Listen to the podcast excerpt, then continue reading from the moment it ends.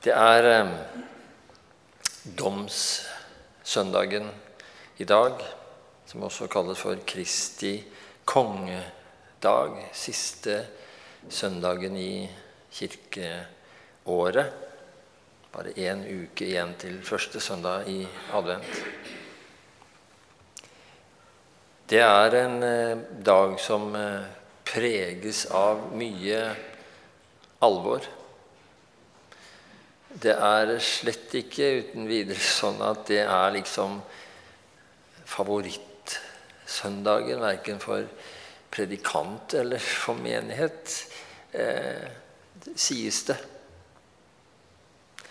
Men så samles vi uansett, enten det er favorittsøndag og tekster eller ei, for å høre Guds ord.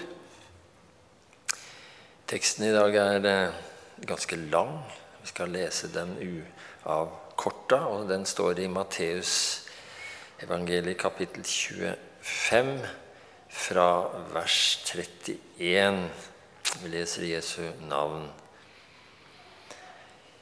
Men når menneskesønnen kommer i sin herlighet, og alle englene med ham, da skal han sitte på sin trone i herlighet, og alle folkeslag skal samles foran ham. Han skal skille dem fra hverandre som en gjeter skiller sauene fra geitene, og stille sauene på sin høyre side og geitene på sin venstre. Og Så skal kongen si til dem på sin høyre side.: Kom hit, dere som er velsignet av min far, og ta i arv det rike som er gjort i stand for dere fra verdens grunnvoll ble lagt. For jeg var sulten, og dere ga meg mat. Jeg var tørst, og dere ga meg drikke. Jeg var fremmed, dere tok imot meg. Jeg var naken, dere kledde meg. Jeg var syk, og dere så til meg. Jeg var i fengsel, og dere besøkte meg. Da skal de rettferdige svare, Herre, når så vi deg sulten og ga deg mat? eller tørst og ga deg drikke? Når så vi deg fremmed og tok imot deg, eller naken og kledde deg? Når så vi deg syk eller i fengsel og kom til deg? Og kongen skal svare dem, sannelig, jeg sier dere, det dere gjorde mot en av disse mine minste søsken, har dere gjort mot meg. Så skal han si til dem på venstre side, Gå bort fra meg, dere som er forbannet, til den evige ild som er gjort i stand for djevelen og englene hans. For jeg var sulten, og dere ga meg ikke mat. Jeg var tørst, og dere ga meg ikke drikke. Jeg var fremmed, og dere tok ikke imot meg. Jeg var naken, og dere kledde meg ikke. Jeg var syk og i fengsel, og dere så ikke til meg. Da skal de svare, Herre, når så vi deg sulten eller tørst eller fremmed eller naken eller syk eller i fengsel uten å komme deg til hjelp?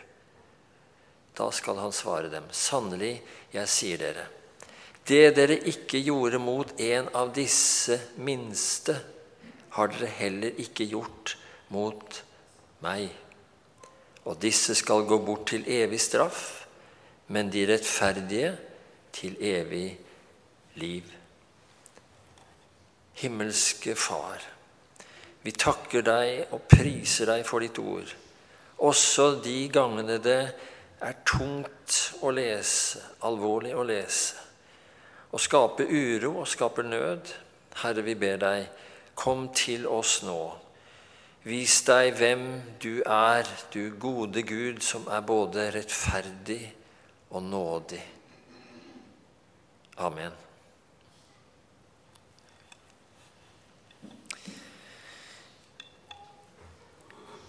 Ja, dommedag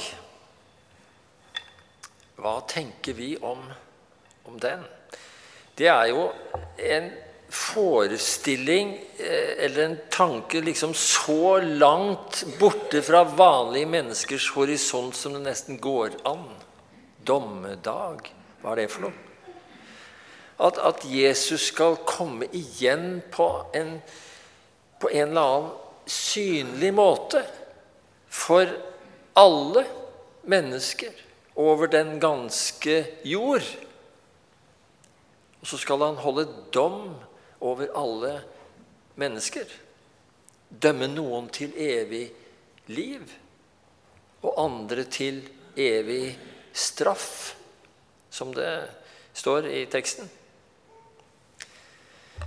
Ja, men Vi må vel kunne si at det er liksom ikke noe typisk tema i kassa på Kiwi, som man sier. Dommedag. Det er ikke det folk er opptatt av eller tenker på eller har innenfor horisonten på noe vis. Og da må vi jo si forståelig nok. Forståelig nok. Og samtidig så er det altså det Bibelen sier og beskriver om dette som handler om tilværelsens avslutning.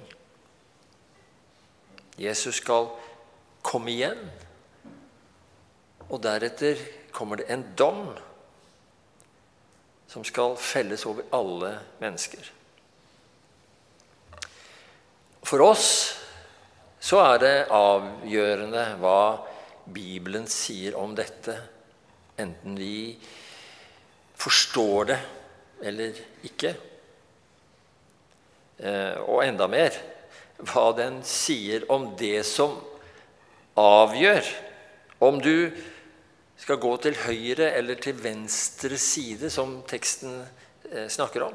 Altså frelsesgrunnlaget, hva det er. Det er jo et forferdelig viktig spørsmål å få svar på, sak å få rede på. Og da er det det som sies i teksten, ganske underlig.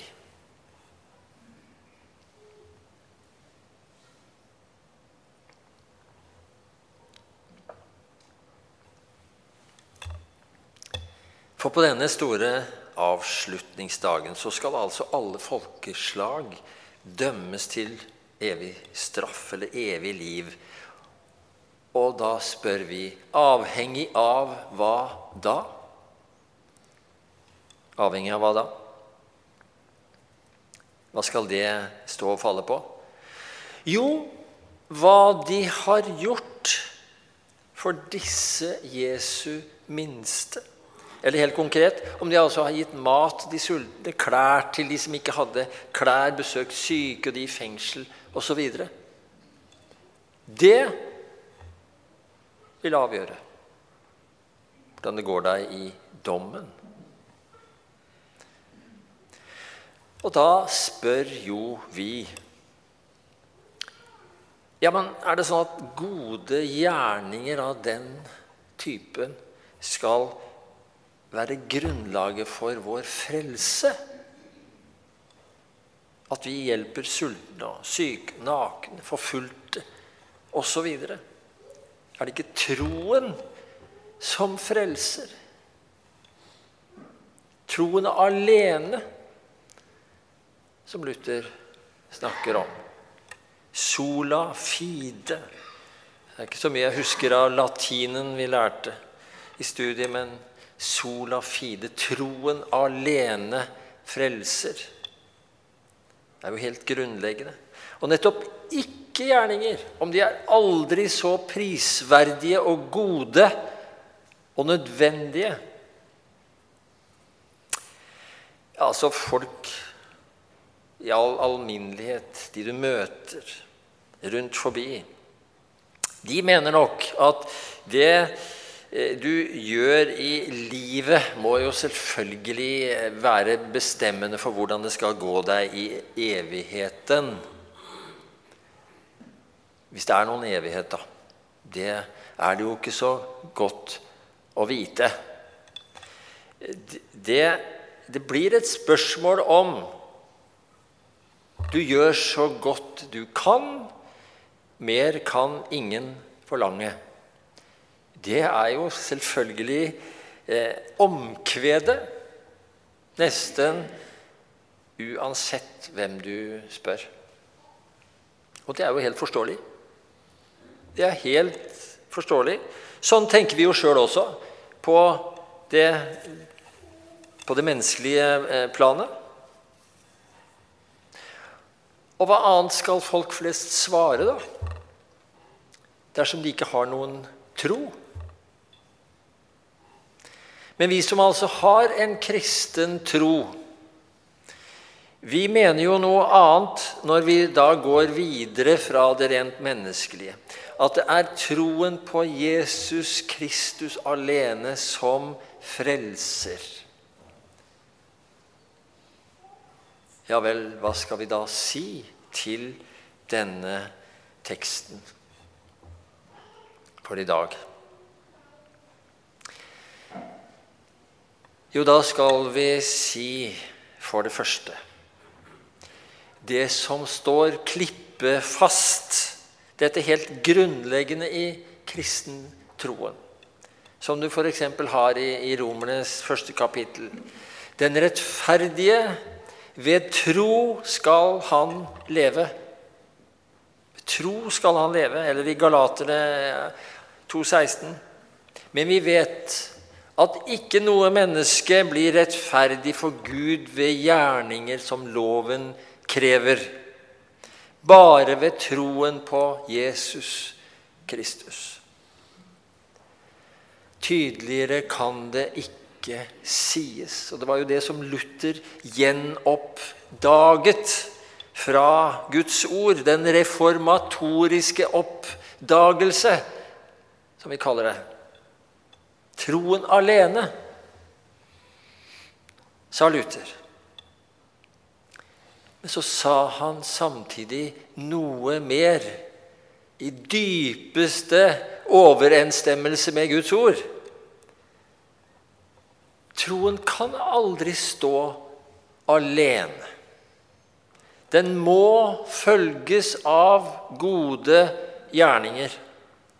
Akkurat, sa Luther, akkurat som en skygge må følge et menneske alltid.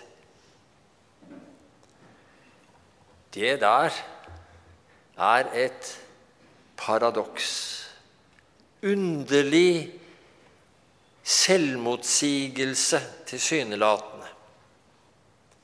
Men akkurat så paradoksal, kjære dere, er vår tro, er kristentroen. Vi må altså holde fast på to sannheter, to bibelske sannheter, samtidig enda så tilsynelatende motstridende de er. En tro uten gjerninger er en død tro, sier Jakob i sitt annet kapittel. Men da må vi virkelig merke oss én ting det er vel å merke sånne gjerninger som vi gjør som en frukt av troen. Som vokser ut av det nye livet som Gud har gitt oss. De er det snakk om. Gjerninger som vi gjør ikke for å bli frelst, men fordi vi er frelst. Vi hører Gud til. Vi lever det nye livet i Jesus Kristus det er jo da virkelig sannhet noe annet. Så denne spenningen, dette paradokset, liksom som aldri går helt opp for vår forstand, det må vi leve med som troens folk. Det var en som sa det ganske treffende sånn troens plass og gjerningenes plass. Det er en av kristentroens gåtefulle og frydefulle paradokser som holder oss våkne, som holder oss i tjeneste, og som framfor alt holder oss fast i troen på Jesus Kristus alene det eneste frelsesgrunnlaget vi har.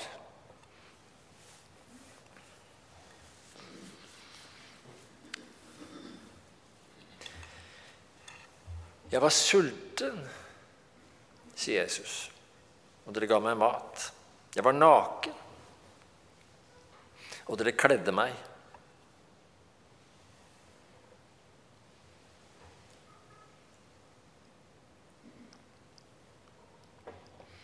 Og da sier jeg så flott at sånne folk fantes den gang. Og finnes også i dag. For det gjør det. Sånne folk som altså bryr seg om andre mennesker, som ikke bare er opptatt, opptatt av seg og sitt og sine egne, men som har en omsorg virkelig for andre mennesker som har det vanskelig, som er i nød, som sliter, som, som trenger dem. Sånne folk finnes heldigvis, og det finnes mange av dem. Og så mange av disse gode menneskene er jo ikke engang i nærheten av kristen tro engang. Det vet vi jo. Vi innbiller oss ikke noe annet. Altså så langt vi kan bedømme. Det er bare Gud som kjenner hjertene. Men så langt vi kan se, og jeg vil jo si snarere tvert imot for mange av de, deres relasjon til kristen tro og kirke. Dere kjenner mange sånne. Det gjør jeg sjøl også. For tida så stresser vi veldig i, i formannskapet og i kommunestyret hjemme i Færder med å få på plass et budsjett for eh, 2024. Skal ikke plage dere med noen detaljer omkring det. Men det er, et, eh, det er en stykke jobb, for å si det sånn. Og der er det altså noen som kjemper som løver. For hva da? Jo, for å få til en liten økning i sosialstøtten, sånn at de fattigste i vår kommune kan få litt løft, litt mer hjelp. For de trenger det. Hos oss er det sånn at folk står i matkø i kommunen. Og den køen er urovekkende lang. Det er antallet familier altså, som har havna under fattigdomsgrensen her i landet, har økt veldig i det siste. Det har dere sikkert fått med dere eh, fra nyhetene. Og det er mer skjult nød enn vi eh, er klar over. Og Så er det altså noen i, i formannskapet som minner oss på akkurat dette ansvaret med et skikkelig skrell. Akkurat nå trengs dette. Dette må vi gjøre. Og da sier jeg godt er det at noen ser og er tydelig på denne nøden. Og jeg tenker, jeg er sikker på at Jesus han ser på disse drabelige forkjemperne med glede. Enda de er ikke troens folk på noe vis. Så er det sånn at Mange av de som sitter i kommunestyret, sånn er det sikkert over hele landet, de bruker så mye De fleste av dem for å si det sånn, de fleste av dem bruker så mye av dagene og livet sitt på å finne ut hva som kan gjøres for å hjelpe andre. I tillegg til at de har full jobb, de fleste av dem. Men det er ikke noe sak for en pensjonist som meg. Det er jo enkelt sammenligna med hvordan mange av de andre strever. Men er det sånn da at Jesus sier til disse gode menneskene det som han sa i teksten? Kom hit til meg og ta i arv det rike som er gjort i stand for dere fra verdens grunnvoll ble lagt. Gjør han det? Gjør Jesus det? Nei, han gjør jo ikke det. Han gjør jo ikke det. For selv om mange av disse virkelig gjør gode, velsigna gjerninger og har alt det på plass så det holder, de bryr seg om hvordan andre har det, så kjenner de ikke Jesus. De kjenner ikke Han som er vår frelser. De har ikke den frelsende troen.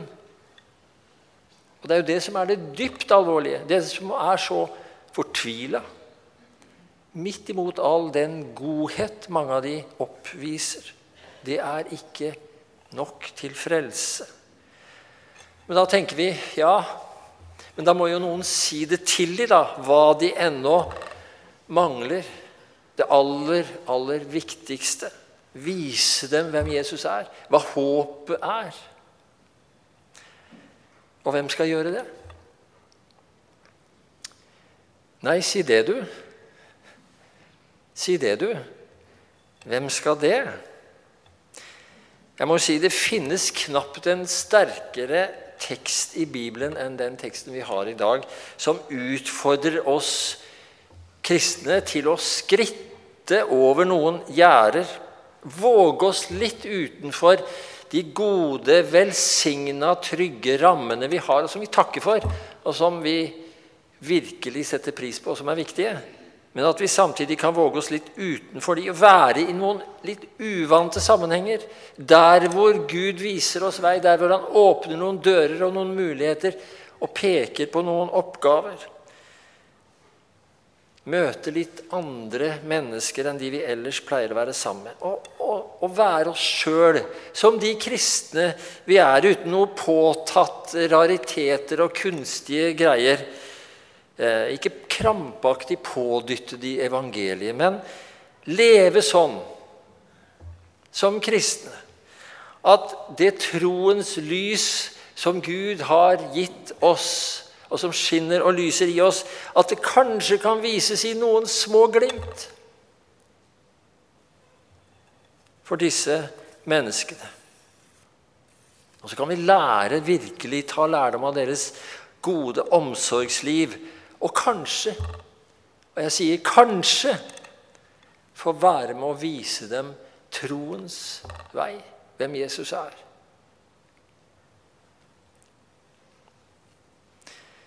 Det dere gjorde mot en av disse mine minste søsken, har dere gjort mot meg, sier altså Jesus. Du fikk med deg det? Du fikk med deg det? Skulle virkelig la de ordene synke ned i oss. Tenke på de ofte. Hva betyr de? Det vi gjorde mot en av disse minste, det, det har vi i virkeligheten gjort mot Jesus. For et perspektiv på vår, våre hverdager, vår enkle tjeneste. Og hvis vi ikke gjorde det, kjenner han oss ikke. Gå bort fra meg, sier han. For et alvor. For et alvor. Og når vi tenker på ikke minst det det siste. Da blir det til ufattelig trøst for meg og for oss dette at den dommeren som skal dømme oss på dommens dag, han er også samtidig vår frelser. Samtidig vår bror. Han som ga sitt liv for at vi skulle få leve, som vi nettopp sang. Leve i troen på ham og i kjærlighet til og tjeneste for vår neste. Og da, kjære dere, da er det likevel håp for meg, for dere, for oss alle. Vi priser deg for det, Herre. Når vi ser på oss selv og alt som mangler, og alt som er urett og feil og synd, så får vi se på deg, Herre Jesus Kristus. Du som er dommer, ja, det er sant. Og så er du samtidig vår bror og vår frelser. Vi priser deg for håpet og for din nåde. Amen.